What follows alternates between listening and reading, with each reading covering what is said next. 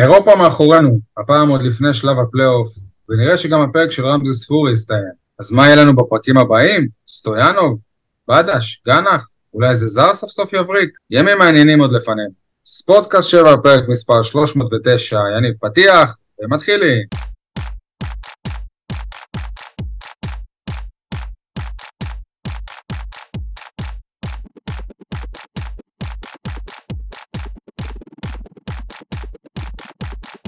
יניב סול, אתר ביטון 7, שהשבוע לא תאמינו ציין 40. מזל טוב יניב, מה שלומך? וואלה, יותר טוב מעדי, שאני מאמין שעדיין מתאושש מההדחה, אבל בניגוד אליו, הדבר היחיד שאני מודאג ממנו בהפועל באר שבע, שכרגע הדבר היחיד שבעייתי זה שיש לנו התקפה בלי שיניים. תרתי משמע. טוב, איך אה, חגגת? אתה יום הולדת? כן. בגיל 40 לא חוגגים אצלנו. כן, לא יודע. אה, אצלי דווקא שיא החגיגות היו בגיל. המשבר התחיל, מה שנקרא. טוב. אייל חטב מהיציע הדרומי, מגוש ב', מיד הדרום, מה שלומך אתה? שלום לכל הבאר שבעים ואנשי הנגב, שלום גם לדובי גל, כן, כן, דובי גל, פעם קומיקאי על, וגיבור השלאגר מלך הסלים, וכיום כוכב קמפיין המנויים של הפועל באר שבע כדורסל. נחמד לראות איך המעגלים נסגרים בסוף. ונסיים בקריאת אל אל הפועל? אוקיי. עדי גולד, שם בתל אביב, מה שלומך? אני עדיין מנסה להתאושש מזה שלא לקחה לי אפילו דקה להתאושש מההפסד בדקה ה-96 בסופיה. אם יש משהו צפוי בחיים הלא צפויים האלה, זה בדיוק זה. אוקיי, אה, אז בואו נתחיל גם באיזושהי מילה טובה. יש, יש מצב שנתקשה כרגע למצוא... הלו, מה שלומך, שי? מה שלומי? לא, בסדר, ברוך השם, ברוך השם. תודה. כרגיל, כרגיל, תשובה מתחמקת. מה מתחמקת? אני... אתה צריך להכין. משהו, עם כל הכבוד, אנחנו מכינים משהו, אתה... לא. אה, בשביל הפעם בשלושה פרקים שאתם נזכרים לשאול אותי, אני לא אכין כל פרק. ברגע שתכין, אנחנו נבין שזה אה, יזום, ואז גם נכבד יותר ונתעניין יותר. יאללה. נעשה מאמץ. אולי אני שומר על פרטיותי בעצם. טוב. אה, יניב, תן לנו מילה טובה. מילה טובה למכבי חיפה ולמכבי תל אביב שהבטיחו עלייה לפלייאוף. רק שימשיכו ככה, כי לבאר שבע יהיה יתרון בזה שהיא משחקת משחק אחד בשבוע. אה, אגב, מכבי חיפה הבטיחו שלב בתים. ב', זה בדיוק מה שחשבתי על מכבי תל אביב בעונה שעברה, שיהיה להם יתרון על באר שבע וחיפה כי הם לא עלו לשלב בתים. בסדר. אייל, מילה טובה? אה, מילה טובה שלי לקהל של לבסקי סופיה, איזה טירוף, איזה עוצמות, איזה תשוקה.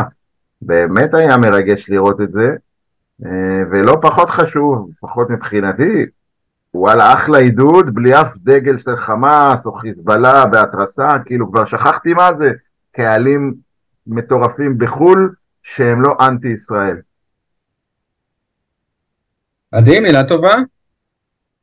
מה, אני יודע את מי אתה בוחר, אז אה, אני אשאיר את זה לך, רציתי גם, אבל אה, אני אלך על אה, גיא בדש, שזה לא שנתן משחק באמת גדול נגד סופיה, ולא באמת שעשה את ההבדל מה שנקרא, אבל סוף סוף ראינו למה זה מנומק שהוא בהפועל באר שבע. יש סימנים טובים שם, והלוואי שזה יבוא לידי ביטוי בליגה, כי בסוף נשארנו עם הדבר הזה. נשארנו רק עם הלחם והחמאה. אה, אז אני רוצה לתת מילה טובה ליוני יוהאן סטויאנוב, שקבע שער בכורה במדי הפועל באר שבע נגד לא פחות ולא יותר מהמועדון הכי גדול במדינה בה הוא נולד. ראו גם על ה... בחגיגות, הוא עשה מין יש כזה אדיר, וראו כאילו כמה זה חשוב לו השער הזה, לדעתי דווקא ספציפית בבמה הזאת בבולגריה, שם שחקן אה, נבחרת הבוגרת.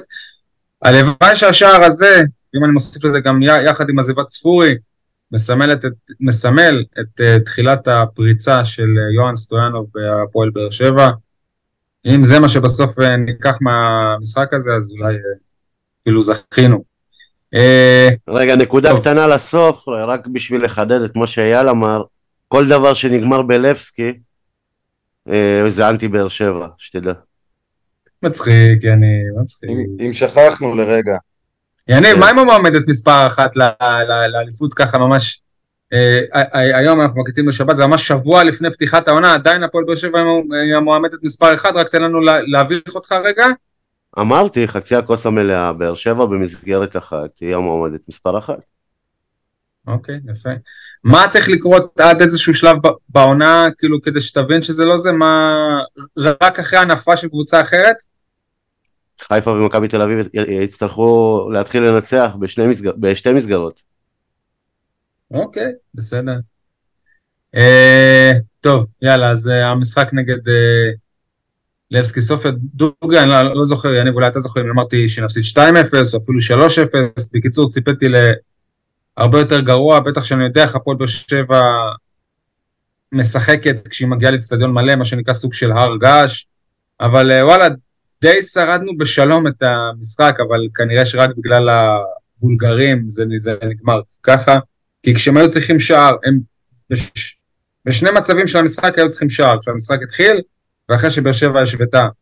אז כשהמשחק התחיל זה לקח להם 14 ד- דקות לכבוש שער, אחרי שבאר שבע כבשה, מה שהכניס אותם קצת להלם, זה לקח להם יותר, 17 דקות, אה, כדי לכבוש את שער אה, הניצחון, ועוד בדקה כל כך נוראית ולוזרית מבחינת אה, הפועל באר שבע, שזה מה שאני חושב הדבר הבאמת מדאיג, לספוג שער בדקה כזאת במשחק כזה.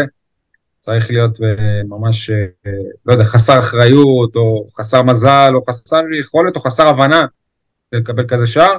לנו, כשהיינו צריכים שער, זה לקח לנו 55 דקות, אז. וגם זה הגיע מאיזה משהו לא באמת מתוכנן, שוב, מצב נייח, איך שלא תסתכלו על זה. אה, אז, אז ידענו שיש לנו בעיה בהתקפה, אבל אולי גם משחק ההגנה שלנו בעייתי מאוד כרגע, ובכוונה אני לא אומר ההגנה, כי אני חושב שזה משחק ההגנה, כי לדעת... גם בגול הראשון אני חושב שפאון היה מעור- מעורב, בגול השני, אם אני לא טועה, זה בדס שם שעברו אותו, הוא נפל, אה, אז אה, אבו עביד אף פעם לא אשם מבחינתך, אה? אשם, בהח- בהחלט יש לו חלק בגול הראשון. בלי ספק, אבל זה לא רק להטיל את האחריות לחוליית ההגנה, משחק ההגנה של הפועל באר שבע, וספציפית על שני השערים האלה, זה לא נכון. אני מסכים איתך, אבל בשער השני, אני חושב שאפשר לקבל את השער הזה, כי אליניב לקראת סוף המשחק הימר על התקפה, וכשאתה מהמר, לפעמים זה לפה ולפה. היו קרובים להבקיע את שער היתרון הפועל באר שבע. בסופו של דבר, הימרת על התקפה, היה חסר לך שחקנים שיעשו הגנה בסוף, וקיבלת שער, שער כזה, ש, שהיה חסר לך לא, את השער אבל- האחרון שיעצור. אבל הוא כן, אחרי השוויון השחקנים כן ירדו אחורה, זה לא שתקפנו בחמת זעם כדי לחפש את הניצחון. באופן טבעי, עובדה שראית איפה גיא בדש בגול. אחרי, אחרי השער של באר שבע, באר שבע שלטה במשחק. הם יצאו למתפרצות. וניצחו. אה, אגב, כמה הימרת שיהיה? 1-0, לבאר שבע. כן. איך אתה מסביר את זה שבסוף הפסדנו? מה ההסבר שלך? יש לי בשבילך תירוץ, יכולת להגיד חשבתי שספורי ישחק. לא, אין, אין תירוץ, אני גם אה, לא ציפיתי שישחק, לא רציתי שישחק. אה, אוקיי, אז בסופו איך אתה מסביר את זה? הסברתי את זה, המשחק התפתח אה, איך שהוא התפתח. ברדה לדעתי לא עלה בהרכב הנכון, אבל בסוף עשה קצת שינויים נכונים. הימר, כשאתה מהמר זה יכול ללכ- ללכת לפה ולפה. היה חסר לך את, ה... את השחקן ש... שייתן את הגול, כמו שחסר לך מתחילת העונה. וכשאתה לא נותן גול, אתה, אתה מקבל בצד השני. אז זאת. הבעיה של הפועל באר שבע, שהיא מגיעה למצבים ואין לה את השחקן שייתן את הגול. היא לא מגיעה למצבים, אבל כשהיא כבר מגיעה למצבים, אין לה גם את השחקן ש... שייתן את הגול. עדי, איך אתה רואה את המשחק הזה? אני רואה את זה שיש uh, תופעה מעניינת בקבוצה של יניב ברדה, וזה איזה סוג של חזרה לקבוצה של ברדה בחצי עונה אחרי uh, רוני לוי. כלומר, אוסף לא מאוד ברור של שחקנים, שעושה אסופה לא מאוד ברורה של תנועות, כולל אה, זרים שלא משדרגים באמת את הקבוצה, ועם uh, מאמן שלא מספיק שולט בקבוצה למרבה הצער. כמעט כל קשר יותר, בין אה, תחילת העונה הזו למה שראינו בעונה שעברה, מקרי לחלוטין ואף למעלה מכך, שלא לומר בדיוני. באמת. לי זה יותר, לי זה יותר מזכיר את הקבוצה של, אה, את הקבוצה האחרונה של ברק בכר בהפועל באר שבע, בגלל ש... כן, זה מתבקש. זה אם אני. יוצא מנקודת הנחה, אם אני יוצא מנקודת הנחה שספורי כבר לא חלק מהפועל באר שבע, אז אתה יודע, זאת אסופה של ילדים טובים, באמת ילדים טובים, שחלק חלק, חלק מהם שהיום הם לא מבריקים בהפועל באר שבע, יש להם פוטנציאל להיות שחקנים מאוד מאוד טובים, אם יהיו במועדון או בקבוצה אחרת או בתקופה אחרת של הפועל באר שבע, תקופה בריאה יותר, קבוצה טובה יותר, קבוצה שרצה, אבל אני לוקח כדוגמה הזאת את שון גולדברג, שבתקופה ההיא של בכר מאוד לא הבריק בהפועל באר שבע, אגב בתפקיד אחר גם, ואז במכבי חיפה שהוא נכנס למערכת שהיא כבר הרבה יותר בריאה ומוכנה ובשלה, ושם הוא עשה דברים אה, גדולים. אז אה, יכול להיות שגם בהפועל באר שבע יש עכשיו את השון גולדברג הזה, לא יודע, אולי זה גיא בדש, אולי זה סטויאנוב, אולי אה, אני לא יודע מי. אולי זה אבו. עביד. אני חושב שספורי שיבש את שני המפגשים. כלומר, זה לא רק ספורי, כל, כל מה שקרה עם ספורי הוציא לך גם את יחזקאל מהתמונה. וכששני שחקנים כל כך חשובים שהפועל באר שבע בונה עליהם לא, לא מתחילים ולא לא בכושר משחק, אז, אז קשה קצת uh, בתחילת העונה uh, לצפות מבאר שבע לגדולות. אבל יחד עם החיסורים האלה, עדיין הפועל באר שבע הייתה צריכה לעבור אותם. אה, אה, יניב, אבל תיקון קטן, כאילו... אני אני חייב להגיד שנייה לא- משהו, לא אני חייב פתח לעבור בשני אותם על זה. המשחקים, ש- שנייה, רגע, אנחנו כן, לא אנחנו חייבים לעבור את לא בגלל פציעה. ברגע. שנייה, שנייה, באמת משהו שלא קשור להפועל באר שבע, וזה קשור רק לאיזשהו, לא רק, זה קשור למבט הכללי על הכדורגל האירופי. אני חושב שהרבה פעמים אנחנו לוקים בהתנשאות ישראלית אופיינית של הלממי אתם, וסליחה, אני לא חושב שיש לנו יתרון יחסי על לבסקי סופיה. אה, ברור שלודו גורץ היא קבוצה הרבה יותר טובה, הרבה יותר עשירה, אה, הרבה יותר אה, עתירה בתארים בשנים האחרונות, אבל עדיין יש מספיק קבוצות באירופה שהן לא קבוצות גדולות היום, והן הרבה יותר טובות מהפועל באר שבע, או בוא נאמר בכל יום נתון הן יכולות לנצח את הפועל באר שבע במפגש כפול, ולבסקי סופיה זו אחת מהן, לא ולכן מסכים אין. משהו שהוא בגדר בושה בלהפסיד ללבסקי סופיה, בואו. לא, לא אמרתי בושה, אבל אני לא מסכים איתך, ראי, כולנו ראינו מחצית שנייה, שראינו לא לבסקי סופיה גדולה. מאוד בינוני. ומחצית ראשונה, ומחצית ראשונה, בסדר, לא וכמה קראו משחקים? בינוניים אתה נתת באירופה ועלית, בדיוק. אתה יודע, זה המצב. לא צריך ללכת רחוק, שנה שעברה הפועל באר שבע פגשה את לבסקי סופיה, ועברה אותה בפנדלים, פשוט קראו לה קריובה.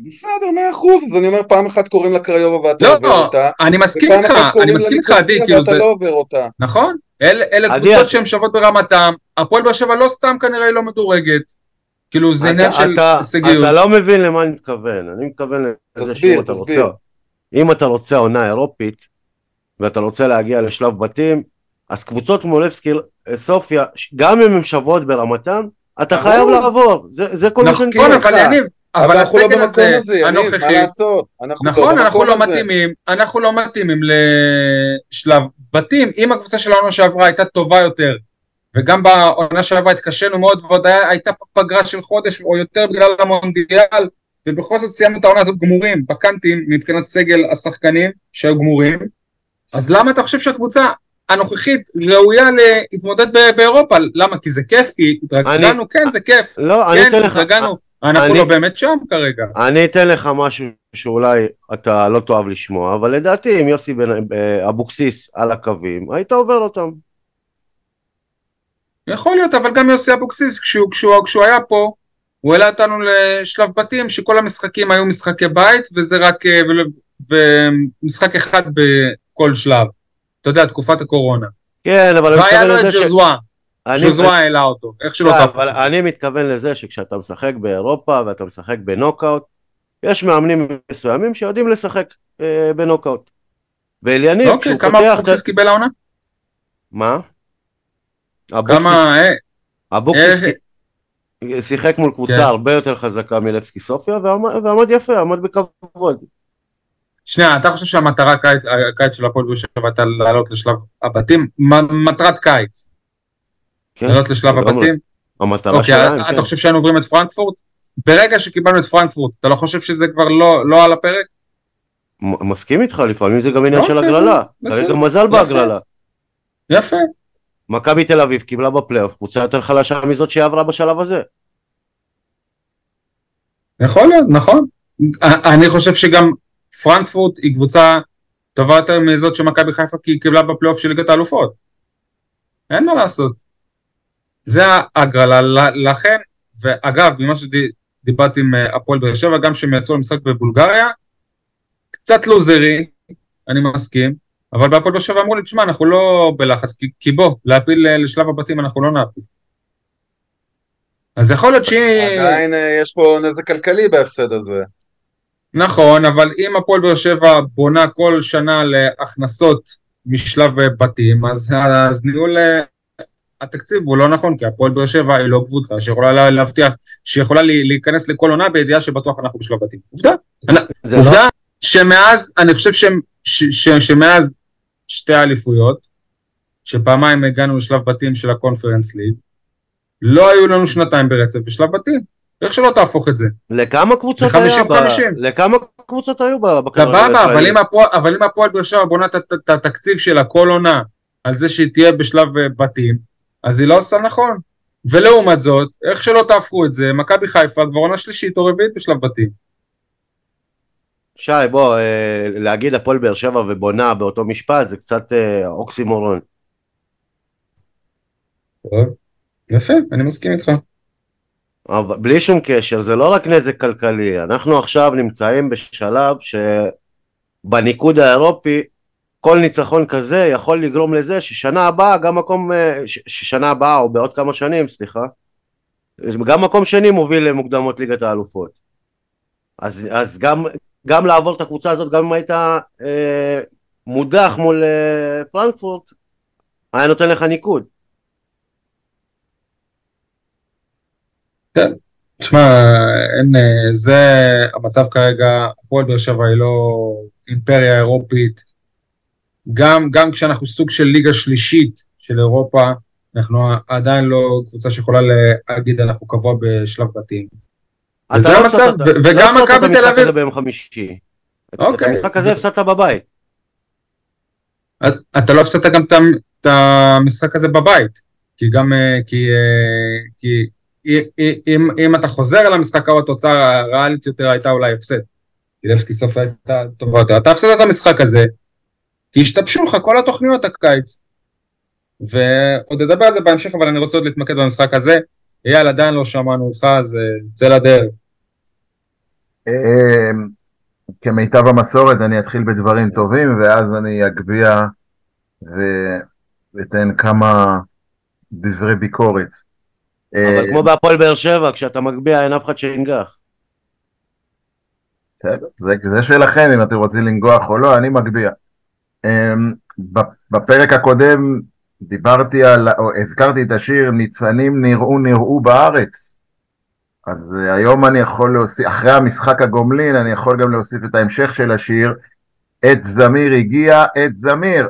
ולזמיר הזה, כמו שאמר עדי, קוראים לו גיא בדש, וקוראים לו יוני סטויאנוב, כמו שאמר שי, ואני אומר, כמו, קוראים לו גם אמיר גנח, פתאום מתחילים להפציע הברקות, ניצוצות, זמירות חדשות, שזה שינוי לעומת מה שראינו עד עכשיו.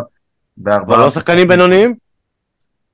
אבל הם מפציעים. קודם כל, מה, מה זאת אומרת בינוניים? אה, אתה- אתה אתה אמרת ש... אמרתי שהסגל של הפועל באר שבע ככלל הוא בינוני מינוס, היום אני אפילו יכול להוריד את זה לדרגת חלש פלוס, מספיק למקום 7-8, נדבר על זה בטח בהמשך, אה, אבל אה, ספציפית, כן, גם בין בינוניים אפשר, לי, ל- אתה יודע, להתעלות.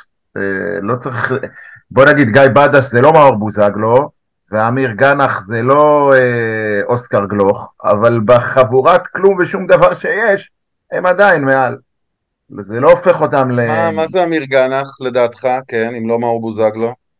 לא, אמרתי בדש הוא לא מאור בוזגלו, גנח הוא לא... לא משנה, לצורך העניין, אה, אתה יודע, מה אוסקר גלוך, תראה, כן.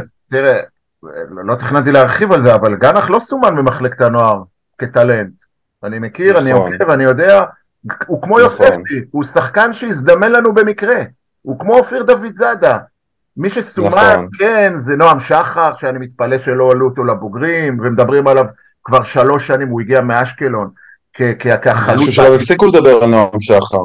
נכון, הפסיקו משום מה. דניאל צדיק ששחררו, אלה שחקנים שסומנו. אתם יודעים מה, אולי אילי מדמון סומן. גנח לא סומן, אבל יפה לראות אותו פורח ומצליח אה, אה, בשלב הזה. אני, אני אשמח אם הוא יעשה את זה אפילו עוד יותר, ווואלה, כאילו לא כל מי שמס... מה שמראה שלא כל מי שמסומן הוא באמת בסופו של דבר, גם ערן זהבי כשהיה נער לא, לא חשבו שהוא יגיע ל- לרמות של ערן זהבי היום. נכון.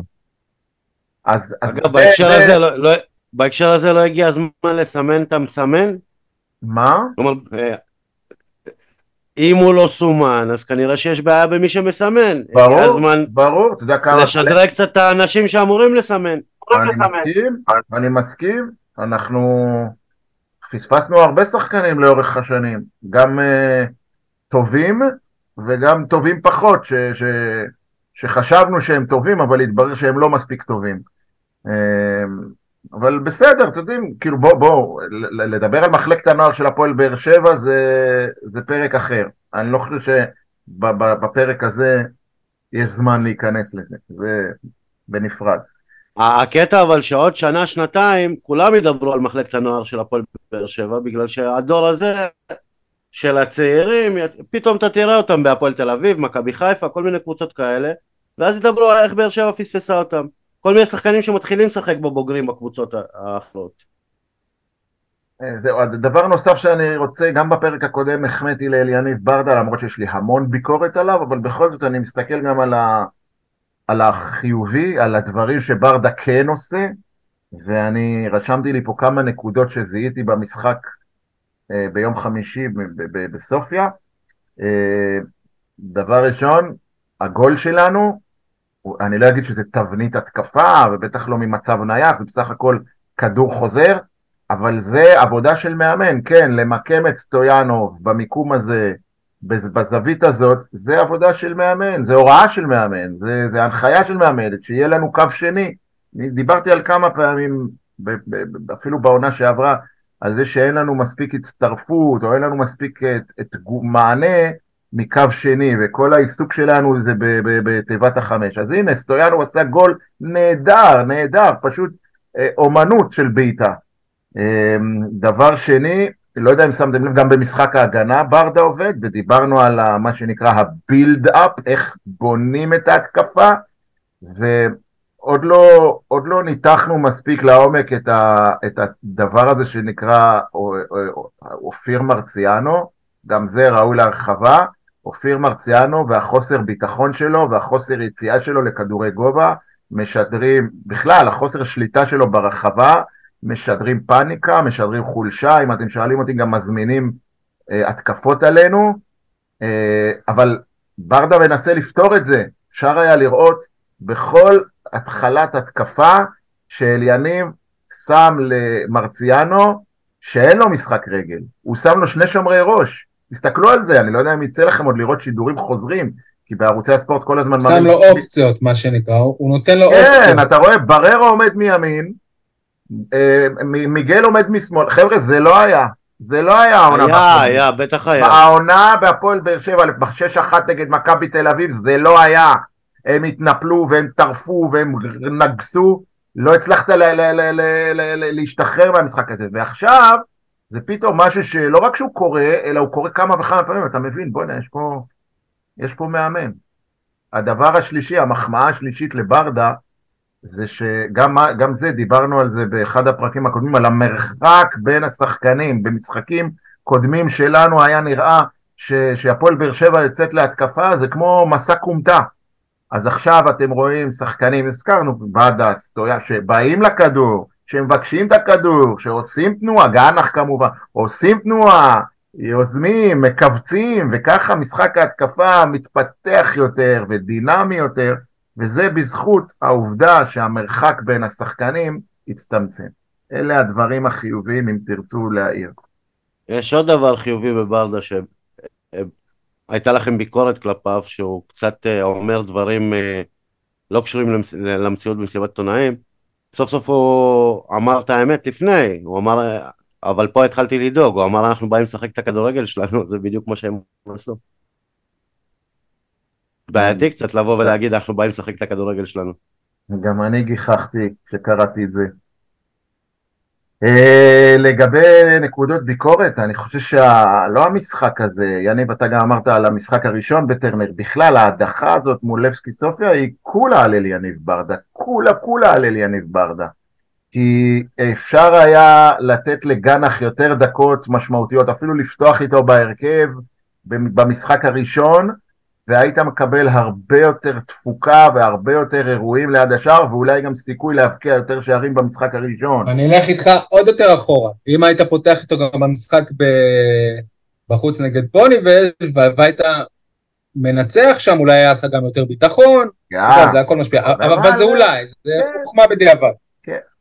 אה, לא, זה לא חוכמה בדיעבד, זה חוכמה על סמך ניתוח הנתונים, ניתוח מה שאתה רואה. זה לא לקום בבוקר ולהגיד, אה, גנח צריך לשחק יותר כי הוא מבאר שבע. לא, גנח צריך לשחק יותר כי כרגע הוא הכי טוב מבין כולם, בלי קשר לזה שהוא מבאר שבע. הדבר השני זה על ההכנסה, החילוף של אה, פטרסון. עכשיו, פטרסון, איך אומרים, כולם אומרים שהוא נראה טוב יחסית, שהוא מבין הזרים הוא היחיד שעוד איכשהו נראה שחקן כדורגל אמיתי. אה, אני חושב שלהכניס את פטרסון שהיה פצוע השבוע ולא התאמן סדיר והיה בספק, לכן גם הוא לא פתח, זה עלה לנו בגול השני, כי פטרסון היקר לא, היה, לא ירד להגנה ואפשר את ההתחלה של המהלך שהוביל בדקה 96 לגול, ובגללו, זה כמובן תגובת שרשרת, גם אדריאן פאון עשה את זה בגול הראשון, ופטרסון פשוט אה, לא עשה את, ה, את, ה, את ההגנה שמצופה ממנו, לא היה ממושמע טקטית של לרדוף אחרי המגן או אחרי השחקן כנף שלהם שהתחיל את ההתקפה.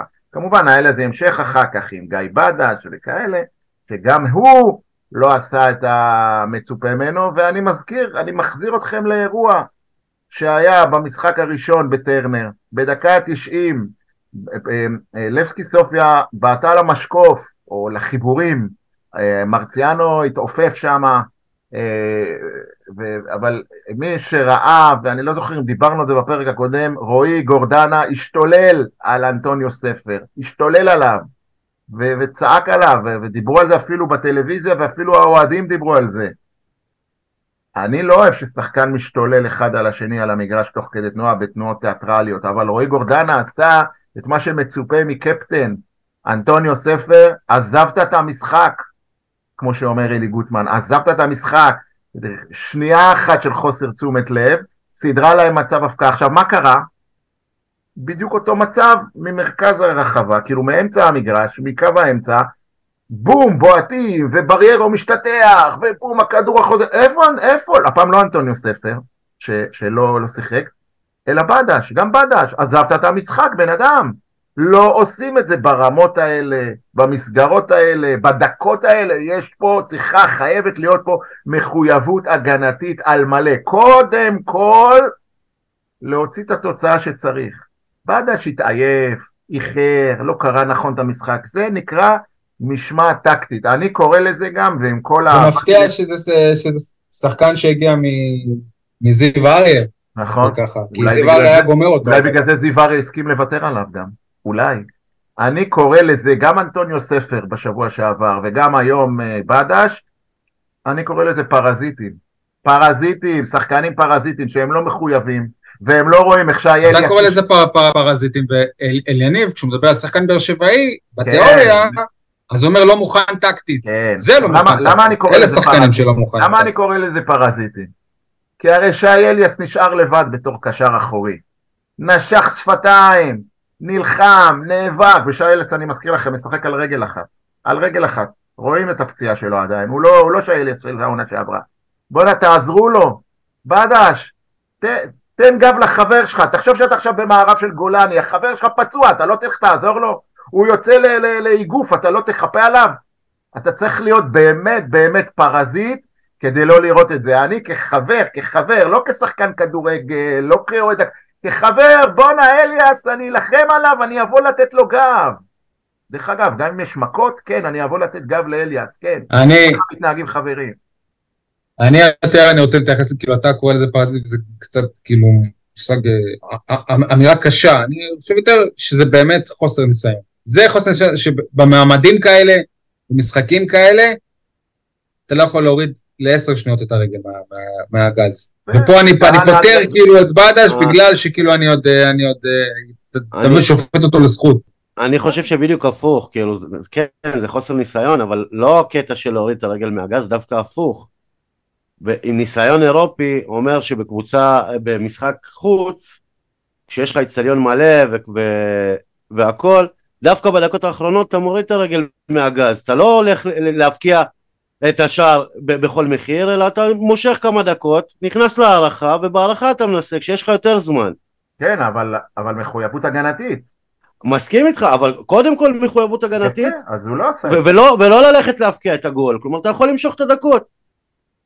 תיכנס, ת, תן לעצמך לנשום קצת, שגם אם אתה סופג בתחילת ההערכה, יש לך עדיין זמן להבקיע. אתה לא הולך בכל, בכל מצב להבקיע את הגול, אין פה, לא היה פה מצב שבאר שבע חייבת גול. זה עוד בדיוק משמעת טקטית.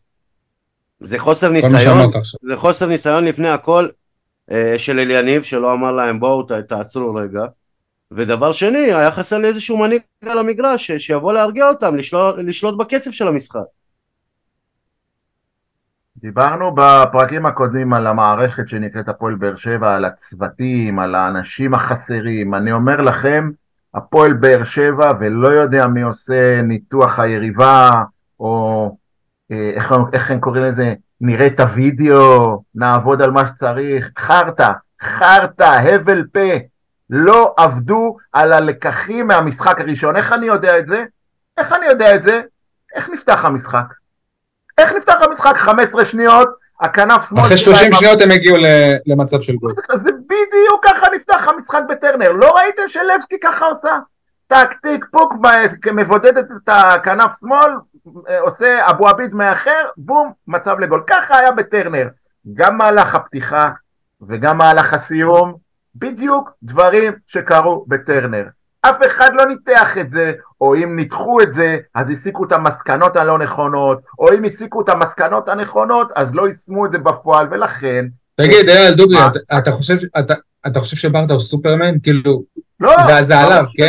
ברור זה. עליו, אבל הוא גם צריך עדיין לחשוב על אביזר, לחשוב על מחליף לספורי, אה, לחשוב מה קורה אם הוא משלם את מי שחרר, העוזר שלו עסוק ברמזים אם הוא נשאר או לא נשאר, והוא נזהר בכלל אם יש לו עוד אה, ספר. לכן אני נזהר בביקורת שלי על ברדה, אני עושה אותה אה, עם מחמאות, אבל גם עם דברי ביקורת. איך אומרים, עקב בצד אגודל, הוא לא מגיע לו שיקטלו אותו לגמרי, יש לו נסיבות מקלות. הוא בודד במערכה. זה כאילו, אתה יודע, יש, אה, דיברנו על, אה, לא יודע אם דיברנו עדיין על אה, מלחמות וכאלה, אתה יודע, כאילו, כמו, אה, השאירו אותו מה שנקרא בודד בצריח. והוא צריך לעצור את כל הצבא היריב, אין לו מערכת. אין לו מערכת אה, תומכת, זה כמו, לא יודע, קהלני ביום אה, כיפור שנשאר לבד מול אה, גדוד אה, טנקים סורים, זה ברדה עכשיו. עוד מעט, לפי מה שאני שומע משמועות של אוהדים, ידברו גם על עזיבת מאור מליקסון. אני לא מתרגש מזה, אני אפילו אשמח אם זה יקרה במידה מסוימת, אה, אבל אני חושב ש- שאם זה יקרה, זה יהיה בעיקר, בעיקר להפקיר את החבר ברדה, ולא משנה מה הסיבה. אלא אם כן הם הולכים ביחד, ואז אני אראה את ערך החברות שוב אה, בא לידי ביטוי, אבל כרגע מדברים על זה רק ש... שוב, וזה שמועות כרגע, או רמזים, שמליקסון יעזוב. אה, עוד משהו שראוי לדבר עליו, במיוחד ב, אה, אה, על רקע הביקורת על הצוות המקצועי, מה עם הכושר הגופני שלנו? באמת, כאילו, אני שואל. תראו, אני תמיד הדפתי אנשים שטענו, אה, כולל בימים האחרונים, יש לנו יותר מדי שחקנים שנפצעים, אין לנו מאמן כושר, אין לנו זה, אבל בוא'נה, שחקנים שלנו 45 דקות שפוכים, מה זה 45 דקות? בדקה 40 תופסים את הצעד, בדקה 40 משתטחים על הדשא, כאילו אין מחר. ואנחנו מה? במשחק אחד בשבוע, כן? בדיוק, ואנחנו מה, במשחק אחד בשבוע. מה נסגר איתכם? כאילו, אני לא מבין, זה המקצבים שאתם רוצים ל- ל- להגיע אליהם העונה? זה- שוב, על, ה, על אה, ברדה בודד ב- בצריח, כמה מאמני כושר היו בעונה שעברה? שניים. אה, היה אתה את- הריפורטר, תגיד לנו אתה. אה, היה. גם את זה שעבר לביתר. היה את אה, אודי בן שמחון שעבר לביתר, ולא הביאו לו מחליף. אני חושב שהביאו מחליף. אז יש את לוקאס, שהוא איש הפיזיולוגיה, ויש את מיכאל, שהוא מאמן הכושר, וזהו, חסר אחד. אז מה, נביא? לא. לא יודע אם אתה צודק המ- לגבי זה. לדעתי יש מאמן. המאמן הבא, המאמן הבא, הוא יקבל כבר, אני מניח. לדעתי, אני המאמן- ראיתי... המאמן הבא יגיד, כאילו. מה, אני בא להפועל באר שבע עם מאמן כושר אחד?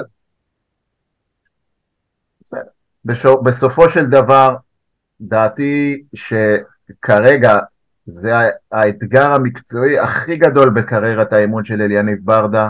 לא דומה בכלל למה שהוא עבר עד עכשיו בשנה וחצי האחרונות.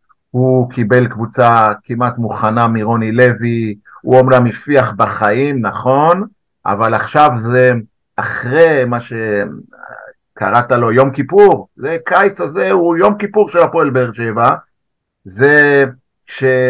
שאנחנו מתחילים את העונה בנחיתות גדולה, שיש התפרקות בכל הגזרות, עכשיו זה האתגר המקצועי של אליניב ברדה, לראות אם הוא מצליח לה- להטות את הכף, כמו במלחמת יום כיפור, להטות את הכף ובסופו של דבר אמ, להיות עם היד על העליונה, לא אליפות, לא מקום שני, אבל מקום שלישי, אה, כן, אבל ביום אה, כיפור. אה, ביום כיפור היו חיזוקים מבחוץ, כן?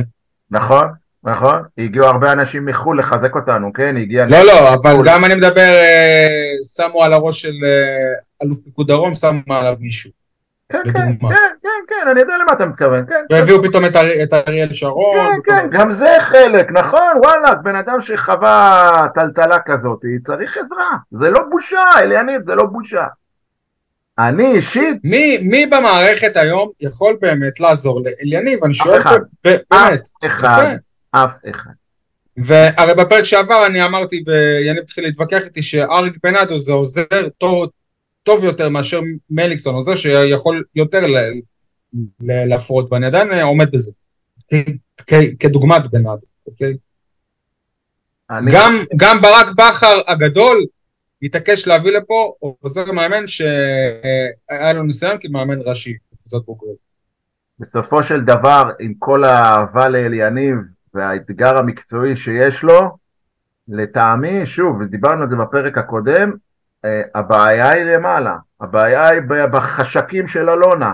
יש לה שנה, שנתיים, שכן יש לה חשק ומוטיבציה להביא לפה שחקנים ולהשכיב סכומים, ועכשיו היא כנראה שוב נכנסה לתקופה שהיא הולכת על אה, שחקנים זולים, חינמים, סוף חודש. תרדמת, ת- תקרא לזה תרדמת.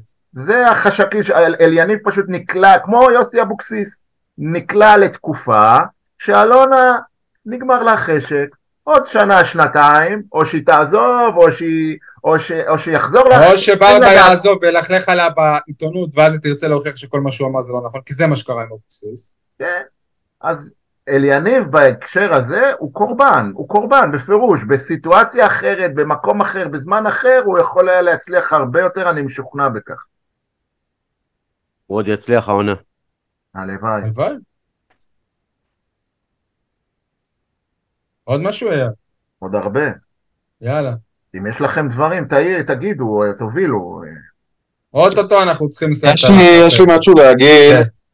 אני חושב שנעשה מהלך נכון בהצבה של בררו כבלם, בעיקרון זה מהלך נכון שבא להפוך את ההגנה של באר שבע להרבה יותר מהירה, אבל כשאתה מציב את אה, אבו עביד בצד ימין זה כמעט חסר משמעות, המהירות של בררו, ובנוסף לזה הצמד הזה, בררו ומיגל ויטור, לא מתורגלים מספיק. הם לא מתורגלים מספיק, ואנחנו מרגישים את זה, ותמיד הרי מה שקורה לצד אה, ויטור זה שהבלם שנמצא לידו פתאום מרגיש שהוא הרבה יותר טוב, לא משנה אם זה לואי טאה או איתן טיבי, או מי ישחק ליד ויטור. במקרה של בררו, זה לא מרגיש כך בינתיים. ולמה זה לא מרגיש כך בינתיים? כי אין להם את הפזם המשותף הזה. אני חושב שהמהלך הזה התחיל מאוחר מדי לתוך, ה... לתוך העונה. גם אם תגידו לי, אבל מה אתה רוצה? זו תחילת העונה. אבל בדיוק בשלב הזה, זה המאני טיים של באר שבע. והנה, אנחנו באמצע אוגוסט ואנחנו מחוץ לאירופה. לא, אבל אנחנו היינו מחוץ לאירופה, לא משנה מה היית עושה, פשוט זה היה, לוקח עוד שבועיים, היינו מקבלים קצת אה, יותר כסף, אבל אני מבין מה שאתה אומר. בכל מקרה, העניין של בריירו זה לא רק מהירות, זה יותר הנעת כדור, אני חושב, וזה חלק מהעניין של לעזור למרציאנו גם. ובריירו, אני אגיד את זה בעדינות, הוא ידוע כאחד שאם הוא לא משחק... בקטע של לעזור למרציאנו, אל תשכח שהמשחק של באר שבע מאוד מושתת על הנעת כדור מאחורה. נכון, אז בגלל זה זה... זה לעזור ל... אבל מצד שני שוב, כשאתה מקבל את אבו עביד באגף ימין... נכון, אבל זה אילוץ, כי יחזקאל פצוע ואין לך מגן אה, ימני אחר, ואני אומר גם טוב שכך, כי אם דדיה היה פותח, אז בגלל דדיה היו אומרים שהוא תחת. וזה חלק מהבנייה של הסגל שאמרו לנו, ובעצם כל, כל קיץ אמרו לנו, זו מין אמירה אוטומטית כזאת שלפעמים, כמו העונה, מתברר שאין לה שום קשר למציאות, שבונים קבוצה שלכל שחקן יש מחליף, שבכל עמדה יש לפחות שני שחקנים ברמה כמעט שווה. אז בעמדת השוער, כנראה שזה לא המצב, אחרת כבר היינו רואים את אליאס משחק. ובעמדת המגן הימני אין מגן ימני טבעי אחד בסגל, אז נגיד יחזקאל הוא, הוא המגן הימני, מי המחליף שלו? אנחנו רואים עכשיו. ואולי זה מוביל אותנו לדיון הבא, מי המחליף של רמזי ספורי בסגל? שהוא שחקן ברמתו באותה עמדה? איתי חזות, לא? כן. אה, אני רוצה להעלות פה כן. עוד נקודה, שי. אוקיי, ונעבור אחרי זה לדיוני ספורי וכאלה. אוקיי, עוד הבחנה. הפועל באר שבע בתקופה הזאת באמת נראית קבוצה נוגה, קבוצה עצובה, קבוצה שהרשת הפנים של השחקנים שלה משדרת, הכריחו אותנו לשחק, אנחנו לא באמת נהנים פה, אנחנו לא באמת, לא כיף לנו.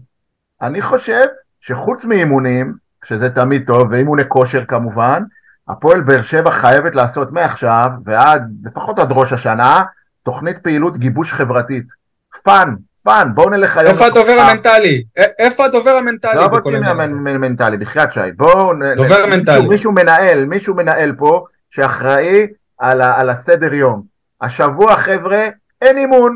יום שני בוטל האימון, הולכים לבריכה. ויקו, אנחנו באים. אה, שבוע אחרי, הולכים לסרט. אחרי זה הולכים לים, פותחים מנגה, לחוף אשקלון. אחרי זה טורניר שש בש. גם, גם, גם, גדול, כן, יש הרבה פעילויות, אפשר ללכת, אתם יודעים, לכל מיני פעילויות גיבוש, אה, אקסטרים וכאלה, טיול ג'יפי, אני אומר לכם, השחקנים סובלים, רואים על מרציאנו, לא בא לו להיות פה, רואים על שגיב יחזקאל, בא לו לאכול מישהו, נשבע לכם, אפילו בדש, שהוא בחור יפה, הוא נראה זועם, הוא נראה, אין לי, עזבו אותי באימא שלכם, עזבו אותי. הפרשנות של ספורטקאסט 7 היא ככה. בדש בדרך כלל בחור יפה. לא, לא, אני אומר, יש לו, אני יורד על עצמנו. כאילו. הוא חמוד, הוא כאילו, אבל... בוא'נה, הבן אדם נראה סובל, סובל, חבל. עכשיו, מפה מתחילה חדוות משחק. הוא נראה כאילו... אתם ראיתם אותו מדבר בזמן המשחק עם מישהו, הוא נראה כאילו בתענית שתיקה כזה. היה לו איזה קטע של קללה. כן. היה לו איזה קטע שהוא פלט קללה. כן. אחרי הבעיטה. טוב. אחרי הבעיטה שהוא שלח uh, מעל המשקוף, היה לו איזה קטע ש... יאללה, אייל, תן, תן עוד uh, כמה... לא, רגע, עוד משהו, עוד חטאים חטאי שהפועל באר שבע חטאה בהם, אני חושב שכדאי לאגד את זה למשהו אחד כללי, מה שנקרא חטא הפוזה. אנחנו לוקים בזה, במועדון אפילו תמיד מדברים על צניעות ועל צניעות, ואיבדנו את הצניעות, אז אני חושב שבקיץ הזה הפועל באר שבע איבדה את הצניעות, והלכה למש... למחוזות הפוזה, פוזאיסטים, כי רק מועדון פוזאיסט לא משאיר את אריאל אלו, את אריאל אלו, את אריאל ארוש כשוער ראשון, כי הוא לא מספיק טוב, או כי יש לו פציעה בכתף מלפני שנה. רק מועדון פוזאיסט משחרר את דור מיכה ומשאיר את רמזי ספורי. רק מועדון פוזאיסט שולח את אור דדיה לגלות, כי הוא ביקש, בטח. רק מועדון פוזאי, עם אוהדים פוזאיסטים, חושבים שיוג'ין אנסה זה נגר. רק מועדון פוזאי, שאין לו שום מחלקת scouting, ואין לו שום רעיונות, ואין לו שום יכולת להביא לפה שחקן מוכח, מוותר על שפי סולימנוב, למרות עונש ההשעיה שלו, אני הייתי משאיר את שפי שיחזור במחזור שמיני. אני אחכה לשחקן כזה גם ארבע שנים. רק אנשים עם פוזה שחושבים שהם יותר גדולים מהקבוצה ומהמשחק ושכולם פיונים וקלפים שמשחקים בהם, רק הם יכולים לעשות טעויות פטאליות כמו שנעשו בקיץ הזה. קיצור, אתה אומר שהפועל באר שבע סובלת מהיבריס אקזוטי, זה מה שאתה אומר. הקטע שזהו, הרי כאילו המועדון הזה חווה את זה כבר. לפני איזה שנתיים, שלוש, חווה את זה, את הפוז... אחר כך הם בעצמם הודו, איבדנו את הצניעות. אז נכון, המנכ"ל הוא לא אותו מנכ"ל, המאמן הוא לא אותו מאמן, אבל בעלת בית הייתה שם, כל שאר הצוות פאנלה היה שם, אלניב ברדה היה שם, אבל בתפקיד אחר. אני, אני לוקח את uh, הקיץ הזה, ויניב, אולי אתה תוכל לעזור לי, לא חלילה כירידה, כי אתה אולי קצת יותר מבין בתחום. הפועל באר שבע לקחה קיץ כמה הימורים, והנה חלק מהם אייל, אתה הזכרת את זה גם, לתת את המפתחות לספורי ולשחרר את מיכה, ללכת על פטרסון ולא על טאוואמאסי, זה במועדון מודים שאלניב אה, אה, לקח את זה כהחלטה, הוא אמר פטרסון יותר טוב מטאוואמאסי. אה, להביא את ספר במקום שפי, ואת מרציאנו במקום גלאזר. עכשיו, זה הימורים, על פניו אתה אומר כאילו, נכון, ספורי תרם יותר ממיכה, אבל הלו, מה, אתם לא שמים, כאילו, לא הבנתם שספורי בשנת חוזה? ספורי לא אמר בעונה שעברה בכמה הזדמנויות שהוא רוצה לצאת לחו"ל? ובכל זאת, התעלמתם מהעובדה הזאת. טוואמאסי, כמה ששחקן מוכח ב- בליגה הישראלית, ולא יעזור, וגם שחקן מלהיב. על שפי וספר, יאללה, דיבר שוב, ספר זה תעלומה, שחקן ש... ש... ששלחו את דודו עזריה לרומניה, שידבר עם אמא שלו וישכנע אותם אה, לבוא. ו- ואני שואל, אז למה גם לא הביאו את אמא שלו? וואלה, דן אה, ביטון, כש- כשעבר ללודו גורץ והיה בודד שם, אמא שלו לקחה חל"ת מהעבודה וטסה אליו. אז מה זה בשביל אה, הפועל באר שבע להביא את גברת ספר?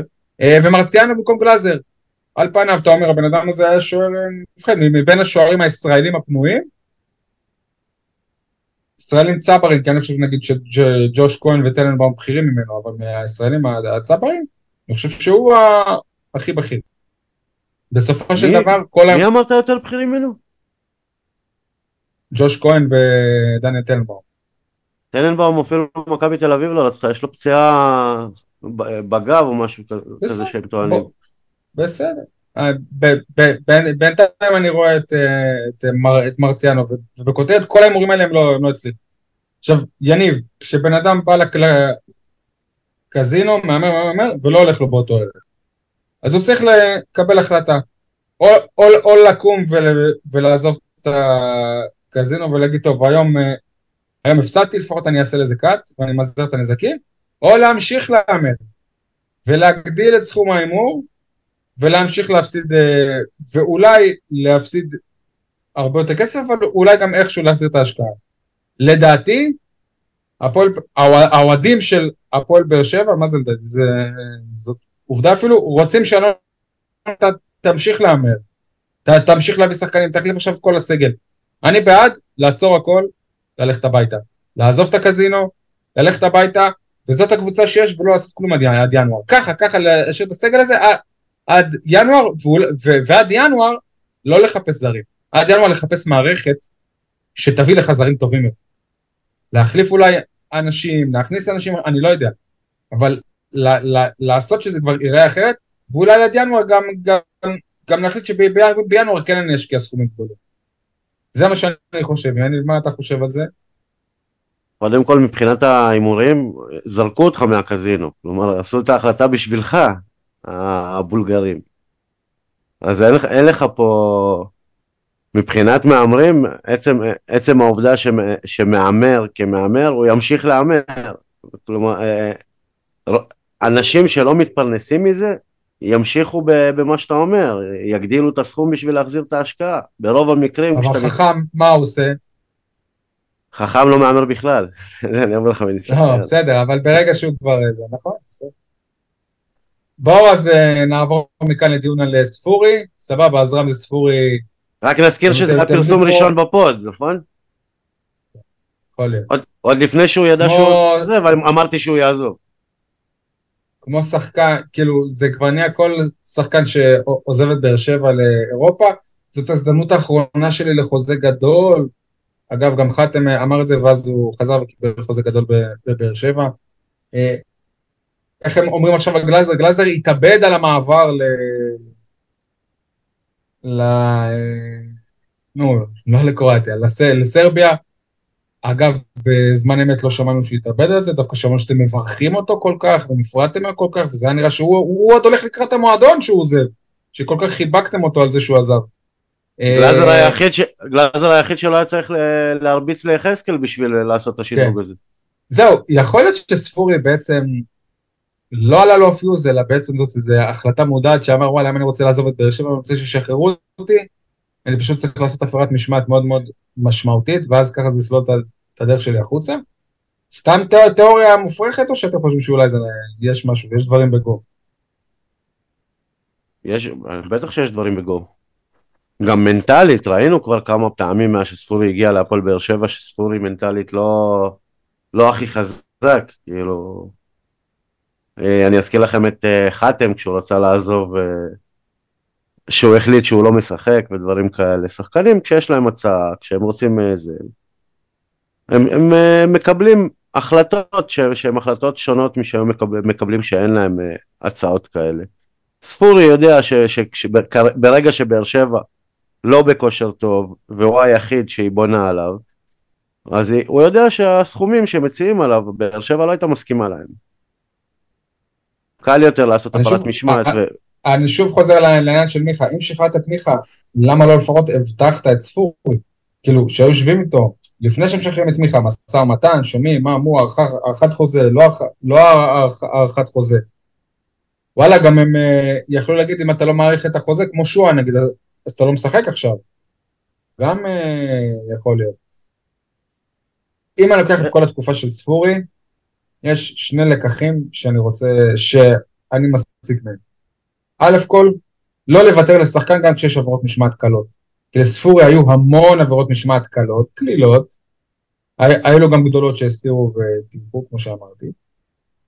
הלקח השני, ששחקן יכול לחזור מהשאלה הרבה הרבה יותר טוב מאיך שהוא יצא להשאלה. כש, כשעושים השאלה נכונה למקום נ, נ, נ, נכון, למאמן נכון, שיכול להוציא מהשחקן הזה, אני מזכיר רמזי ספורי, חזר מאשדוד משודרג, וזה לא קורה הרבה בהפועל באר שבע.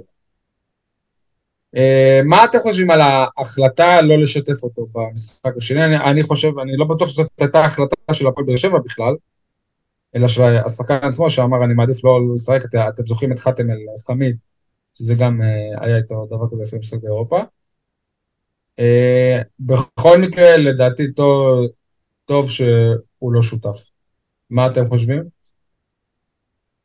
אני חושב שבתקופה האחרונה, גם אם לא הייתה לו הצעה מאירופה, זה היה טוב שהוא לא, לא היה משותף. למה? כי ספורי השנה נראה יותר כמו, כמו ספורי לפני ההשאלה. הראש וואלה, שלו, אתה אתה שוכח שהוא השחקן היחיד שייצר לך שערים. קיץ. עד השער הזה של אה, סטויאנו. שערים לא, זה- זה לא שווה ליכולת טובה. לא יודע, אבל... אתה יודע, היום בהפועל באר שבע אתה- אתה לא יכול להיות מפונק. עד שיש לך מישהו שנותן מספרים. אני הגעתי למסקנה מזמן שספורי זה לא השחקן שיכול אה, לסחוב אותך, לא עליו אתה בונה. וברגע ששחררת את אה, מיכה, שחקן כמו ספורי, שדיברתי על המנטליות שלו, אוטומטית עולה לו, כאילו... אין, אין לך מחליף, אין לך מי שיכול לדגדג אותך בכלל במעמד שלך. וכשלשחקן כמו ספורי, כש, כשעולה לך, אז אתה מקבל בדיוק הפוך, אתה מקבל את ההתנסות הזאת שדיברנו, אה, עדי דיבר על ההתנסות הבאר שבעית, כאילו אני מעל כולם. ראית את זה גם במכות, ראית את זה גם ביכולת אה, על הדשא. והפועל באר שבע, הבעיה היחידה שלה שהיא לא, היא לא לומדת אה, מההיסטוריה, היא לא מפיקה לקחים לא, ומסקנות. כלומר זה קורה לה פעם אחרי פעם אחרי פעם. ושוב, אנחנו מתייחסים ל... ליכולת של השחקן ולפופולריות שלו ולמעמד שלו בסגל, ובהתאם לזה נקבעים העונשים. לא בהתאם לערכים אגב, ו... זה- ומדיניות של מועדון. ההעברה של ספורי עדיין לא נסגרה סופית, אבל גם של דניאל פרץ עדיין לא, ותראה באיזה class דניאל פרץ, אה, אף אחד לא חשב שאולי הוא ישמור את עצמו, כי המעבר של החיים שלו הולך, אה, זה, וואלה, אם הוא היה נפצע נגד הקפריסאים, אף אחד לא חשב על זה. נתן משחק טוב, ואיך הוא נפרד מהאוהדים, באיזה style, באיזה, אתה יודע, לא באיזה, אני מתאר לעצמי שגם ספורי, יהיה מי שיגיד לו, טוב, אתה חייב לעשות איזה פוסט אה, תודה להפועל באר שבע, אז הדובר המנטלי גם אה, יכתוב לו משהו שהוא יפרסם. אבל כאילו, איזה חוסר class. שחקן אה, שדה אני חושב שיותר קל לו להיפצע מאשר שוער. לא, שחקן- ממש לא. שחקן שדה הרבה הרבה יותר צריך לשמור על עצמו מאשר... אה, לא, מה, ממש לא. למה, אין פציע- פציעות של שוערים? ממש לא. יש, אבל עדיין. תראה את אה, מרציאנו, הוא לא מועמד לעבור לשום מקום, והוא שומר, את עצמו, הוא לא נכנס למאבקים. בואו בוא נהפוך את מרציאנו. אה, טוב, יש עוד משהו שאתם רוצים לה- להוסיף לפני שנעבור זריז לפינות? יש עוד שני שחקנים שאני חושב שצריך לשחרר בעת הזו מהפועל באר שבע, הראשון זה תומר חמד, שהמשכורת שלו לא מצדיקה את המעמד שלו, את המקום שלו. אבל זה גם מה שאמרו על מיכה. זה גם מה שאמרו? על מיכה. זה גם מה שאמרו על מיכה. כן, אבל מיכה שחקן בעמדה הרבה יותר, אה, נקרא לזה, משמעותית. אה, תומר חמד, יש רגע, לי... אבל יכול להיות תומר שחמד חמד, גם יש לי שני חלוצים. אחרים שיותר טובים ממנו. יכול להיות שחמד הסכים לקצץ, ושני אוקיי. חלוצים זה לא מספיק. עדיין אחרי הקיצוץ, אני חושב, אתם יודעים מה, זה גם כואב לי לראות אותו ככה מתחנן לדקות. לא מתאים, באמת. אני חושב שקבוצות, אפילו הפועל תל אביב, בית"ר ירושלים, אה, ושלא לדבר הפועל ח... יכולות לעשות לו טוב לשלם הקריירה. לא מגיע לתומר חמד לגמור קריירה. כן, אבל אם הוא מוכן, אבל אם הוא מוכן. להישאר, הוא לא, מה זה אם הוא מוכן? בסדר אם הוא מוכן, אבל אני המנהל של המועדון, אני רוצה ש... להתוות פה דרך. אני על המשבצת של החלוץ השלישי, אני לא צריך ליגיונר ב-250 אלף יורו במינימום, אני צריך שחקן רעב, אני צריך שחקן נמרץ, אני צריך איתמר שבירו של לפני כמה שנים. הדבר, השחקן השני שהייתי משחרר, באמת, הייתי אפילו מוצא לו כרטיס טיסה מבולגריה לבית שלו ברומניה, זה אדריאן פאון, פשוט עוקץ. עוקץ, נפלנו בגדול עם השחקן הזה, אני גם, אתם יודעים מה, אני משתגע, באמת אני משתגע, עזבו את היכולת, עזבו את היכולת, עזבו את המספרים, הבן אדם בתגרה עם מכבי חיפה, הוא היה ממחוללי המרד, הוא היה ממחוללי הבלגן, כולם נפלו על שפי ועל אה, לא יודע מה, חזית, אדריאן פאון הלך שם וקילל וירק וטינף עשה כזה קונצים כאלה, גם אלדר לופס דרך אגב, כאילו בחייאת, איך פספסתם את זה? גם אדריאן פאון, הוא לא מצדיק את המקום שלו, את השכר שלו, ובטח לא את האשראי הבלתי מוגבל שהוא מקבל מאליניב ברדה. אולי... אובן, פה, כמו שמבקרים את אה, דודו עזריה על ספר, גם את אובן. אה, אז גם תומר חמד, גם תומר חמד נשאר פה בגלל שהוא חבר של מליקסון. אולי עושים קצת עוול לפאון בזה ושל שהוא לא ברדה משחק גם. בעמדה שלו. מה? אולי עושים קצת עוול לפאון בזה שהוא לא משחק. מה. העמדה שלו? מה העמדה שלו? שחקן כנף. יניב, הוא היה כנף, הוא מלא שיחק כמה בכנף. כולל השנה, והוא היה... השנה לא, השנה, השנה לרוב הוא משחק באמצע. כולל במשחק ביום חמישי. פעם הוא היה... ב... ב... הוא התחיל את המשחק ביום חמישי בכנף שמאל. איפה הוא איבד את הכדור? איפה הוא איבד את הכדור? אה, אה, ת, ת, תראה לי פעולה חיובית אחת שהוא עשה ב-45 דקות האלה. דרך אגב, גם... לא, מסכים איתך, לא רק שהוא עשה פעולה- לא רק שהוא עשה פעולה חיובית, הוא הרס הכל. הוא הוא גם... אה, גם לא שמר כמו שצריך, וגם אין איבד כל כדור שהגיע אין אליו. לו שום יתרון, אין לו מהירות הוא מיוחדת. שחקן סתמין, הוא אין הוא לו שחקן פיזיות סתמין. מיוחדת, אין לו עוצמת בעיטה מיוחדת. הוא שחקן סתמין. מיוחד, מה יש בו באמת? אתה יודע מה? אפילו את- הדבר המינימלי, הוא לא- הוא לא עוזר לספר. כי ספר עדיין בודד. נכון, אבל הש- שוב, כאילו, בואנה, הוא לובש את הקמדים של הפועל באר שבע, אז נעודד אותו ונתמוך בו, אבל חבר'ה, לא ראיתם את זה בקיץ? שדווקא אותו היה צריך לשחרר ולא את אנסה? אתם הולכים אבל- בפירוש עם וזה ש- לחץ הקהל. שר- שרכ- שרכשו אותו איזה חודשיים שלושה אחרי שהוא הגיע בלחץ, הולכים, בקיץ זה יעלה יותר. שוב, אז- זה היה הימור, הנה עוד הימור.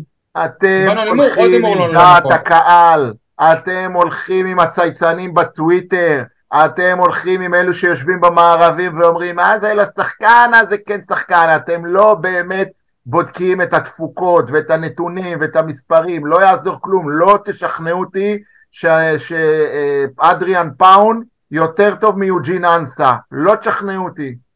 אבל זה אתה אומר עכשיו, אחרי סוף העונה שעברה, אה, אה, קצת לפני אני זה. כן, לא נכון. אני האמנתי אנחנו ש- דיברנו על אנסה, תשמע, שהוא אה, ה- ה- השחקן היחיד בחלק התקפי שהגיע לפלייאוף, מה לעשות? אז אתה מדבר על הפלייאוף, קח תקופה יותר ארוכה, היו שלבים שאנסה נראה הרבה יותר גרוע מפאון. עכשיו שוב, לא אני, מה לא חושב? אצל רוני לוי, אצל... לא, לא, לאנסה יש יתרון מובהק וזה המהירות. לפאון אין שום יתרון מובהק. אבל אני- באמת אני אומר לך, אני גם טועה. אני לא איש מקצוע, אני לא מאמן כדורגל, אני לא אנליסט, אני בסך הכל אוהד, לוחסן פרשן לעת מצוא. זה מה שאני. אל תתייחסו למה שאני אומר כאל אה, קדש, אוקיי? אתם האנשי מקצוע, אתם אלה שמקבלים שכר ואפילו גבוה, אתם אלה שרואים את השחקן באימונים, אתם אלה שיש להם את הנתונים. איך אתם קיבלתם החלטה כזאת? לא אני. לא, אבל אייל, אתה לא צודק, במקרה הזה אנסה הוא זה שקיבל את ההחלטה, הם רצו להשאיר אותו. כן. לא, עזב אותך, זה- זה להיות לא נכון, לא נכון. חכם בדיעבד. בטח שזה נכון. פשוט הוא אה, רצה לחו"ל, עזב אותך, נו. יש בלחץ לך הצעה, הקהל ובזה, אם היו משאירים את אנסה קלה, מה, איך הם השאירו אותו? הפועל באר שבע הייתה חמה על? אנסה. עוד. הפעם הנגר הזה. הפועל- באר שבע הייתה יכולה לעשות יותר, אבל היא רצתה את אנסה, אנסה לא רצה להמשיך, במיוחד שהייתה לה הצעה מה- מה-MLS. זה אני לא יודע הייתה לו בוודאות. לא הייתה לו פה סביבה תומכת להמשיך בה. כן, אבל אתה מדבר על היסטוריה קצת... בואו נעבור בבקשה ברשותכם לפינות.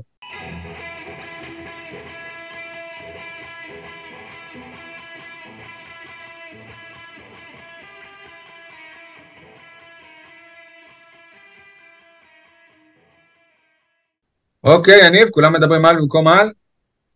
כולם מדברים על ספורי עובר לטורקיה, במקום לדבר על זה שמרס טורקי הביא אותו לשם.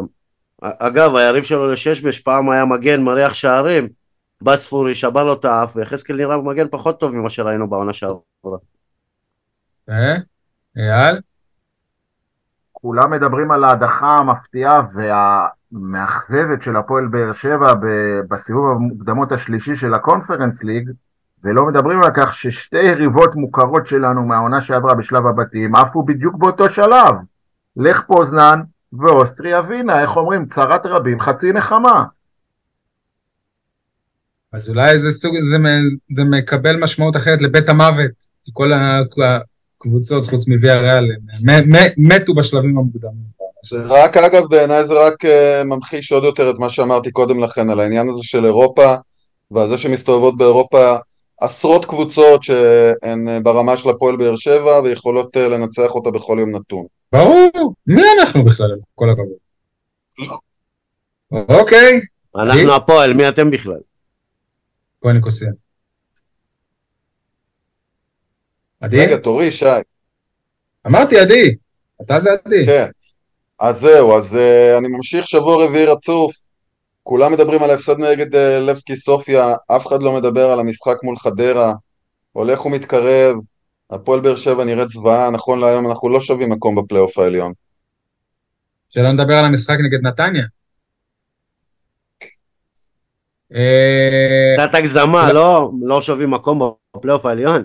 לא שווים פלייאוף עליון, לא שווים, נכון להיום. לא, לא. כי... כי- יש שש קבוצות יותר טובות. זה לא הגזמה.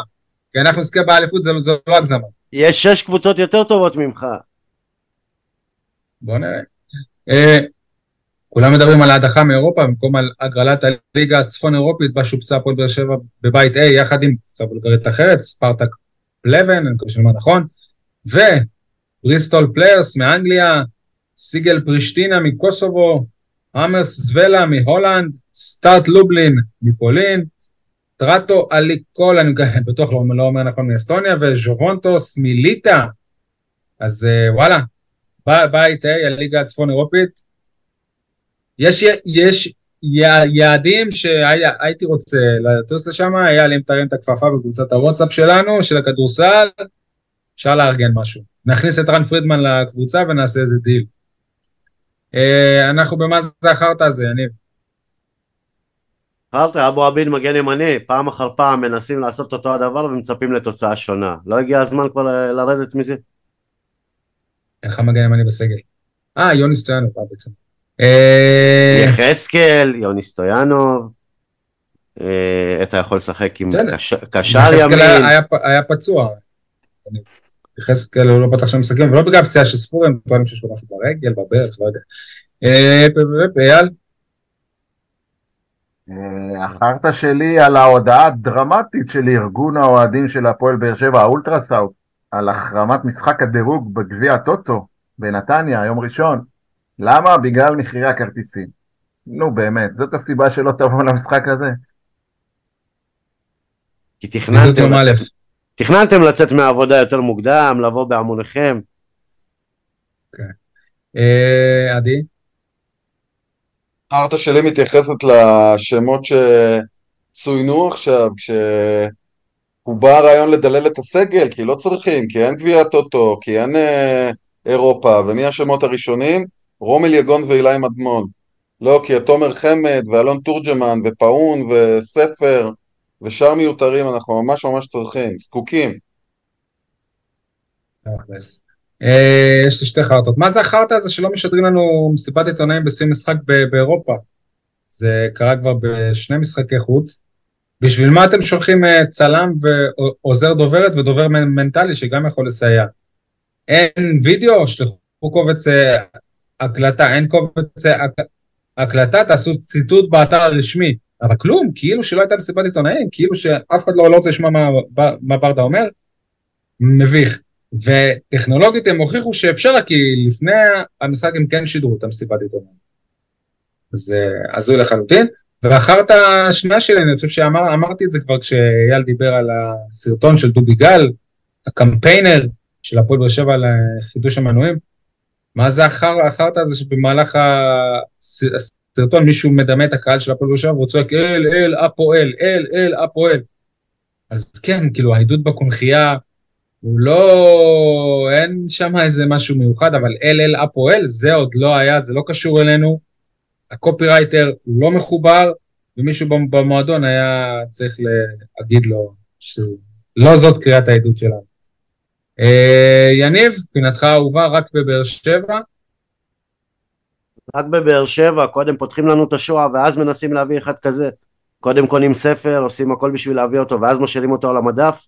ספסל, סליחה. רק בבאר שבע כשהיא פותחת את הכיס היא הגברת הראשונה, הנשיאה, כשהיא סוגרת אותו אז ברור תימניה. טוב, אה, בואו נפרגן לעסקים אה, מקומיים. יניב, תתחיל אתה. טוב, אז אני בחרתי את אה, אה, קיוסק הסלע האדום, מכירים אותו ליד קרן אביה? כן. מהגעגועים למיגל ויטור הישן, פעם הוא לא היה רק אה, סלע, היה חומה בהגנה, עכשיו קצת עצוב לראות אותו שהוא הולך ונגמר. לא יודע, זה קצת, אה, וואלה, שבוע שעבר הוא הציל את הפועל באר שבע, עוד לא הייתי מספיד אותו. עדיין, זה לא, זה לא מיגל שמגיע ראשון לכל כדור, שמנווט, שהמשחק, משחק ההתקפה מתחיל ממנו. אגב, אני חושב שאתה מתכוון לסלע האדום, הבלוג המיתולוגי של אייל חטב. כדאי שלא התכוונת לזה. אז אייל, בוא תפרגן אתה לאיזה עסק. אה, אני מקווה שאתם מכירים את העסק הזה, יש לו אפילו פרסומת ברדיו דרום, דוקטור סולומון, דוקטור סולומון, זה רופא רופא שיניים. כן, שם במלון ליאונרדו. אה, כן. למטה בקומה הראשונה. אני צוחק כי אני מבין לאן אתה הולך. אז זהו, אז אני רוצה לשלוח לשם את פטריק קלימלה להשתלת שתי שיניים קדמיות. האמת, פייר אני אגיד לכם, התמונה שלו בלי שיניים פצעה אותי, ממש ככה. אחת התמונות הקשות של התקופה האחרונה, העצובות. מה, עם הילד? מה? לא, לא, לא עם הילד. אה, לראות אותו ככה, בלי שתי כן. שיניים קדמיות. זה ממש היה לי עצוב וכואב, תמונה מזעזעת, איך אומרים, היה צריך אזהרת צפייה.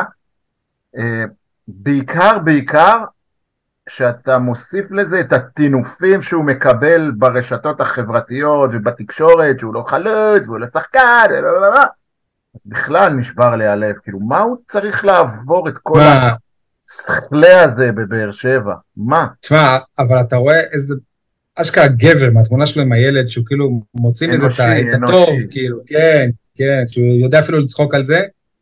וב' אני כבר רואה את רעיון העזיבה שלו בפולין. על היום הראשון שבאתי לבאר שבע נכנס לי שודד לבית, ואז אה, נשברו לי לא שני השיניים. למזלנו עוד לא חווה טילים, כן, אולי גם כן. זה כן. יצאתי מפה בשן ועין.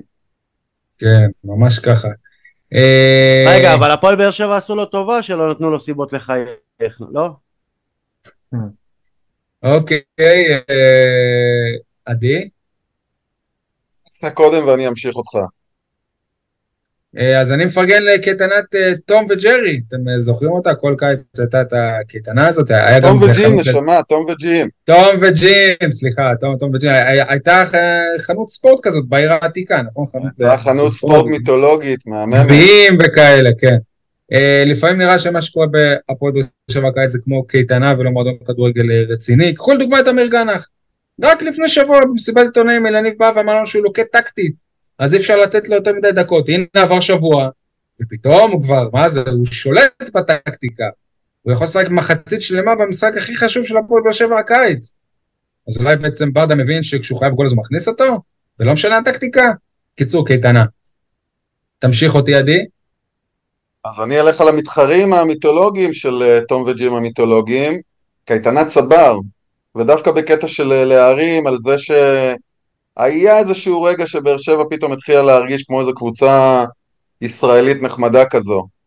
אני מדבר על ה... כמה זה היה? 15 דקות אה, נחמדות במחצית השנייה. כן, אה? אה, אה, טוב, אנחנו בהימורים עכשיו, יניב, היה לנו כבר דיבור על אה, קזינו היום. אתה מבין שזה אחרי חמישה משחקים, אתה עם נקודה אחת ואתה עדיין חושב שהפועל באר שבע מועמדת מספר אחת לאליפות. מספיק, אוקיי. מספיק פגיעה בול ב- במחזור הקרוב ואני עולה מעליך. איך תמיד כשאנחנו, אין לנו חשק למשחק ולא רוצים לראות אף קבוצה ושרק יעבור לנו החרטא הזה, תמיד מגיע לנו מכבי נתניה, בפ- בפנים. אז יום ראשון, שבע וחצי, מכבי נתניה חוץ, משחק הדירוג בגביע הטוטו, אני אומר 3-0 ל... לא, אייל אמור להמר ראשון, לפי החוקים שהצבנו לעצמנו. 2-0 אז אייל? נתניה. 2-0 אני אומר ש- נתניה. אני אומר 3-0 נתניה, יניב, אחד אחד. אבל אה, זה לא משחק שחייבת להיות בו הכרעה. אבל אנחנו מדברים על 90 דקות, לא? אוקיי, אז מה יהיה בפנדלים נגיד לפי ההימורים שלך? באר שבע. אוקיי. אה, אה, מי נשאר, עדי? 2-1 נתניה.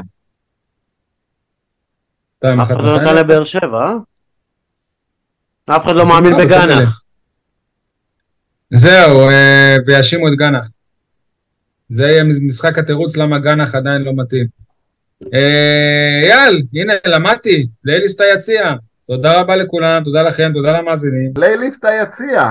אה, הפינה שצוברת תאוצה משבוע לשבוע, אז אמנם בתחילת הפרק פרגנתי לאוהדי לבסקי סופיה, אבל במשחק האחרון ביום חמישי היה להם איזה שיר שהם חרשו עליו כמה וכמה פעמים, אה, באיחור של כמה שנים טובות, אמרתי וואו בואנה רק עכשיו בבולגריה זה נהיה להיט?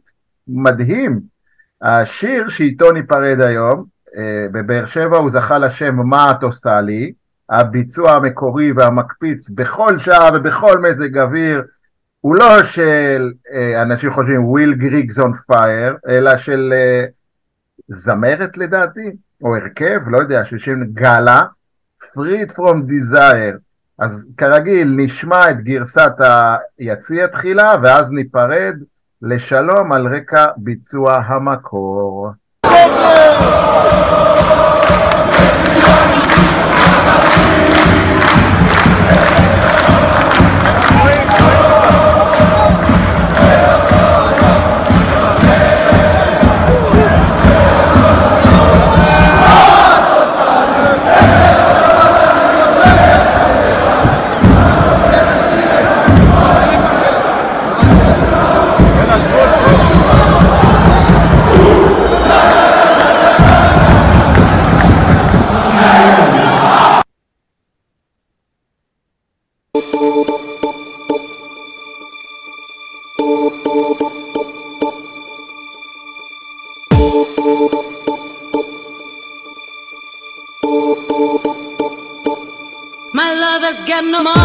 He's got his strong beliefs. My lover's got no power, he's got his strong beliefs. My lover's got no fame, he's got his strong beliefs. My lover's got no money, he's got his strong beliefs. One more and more, people just want more and more freedom and love.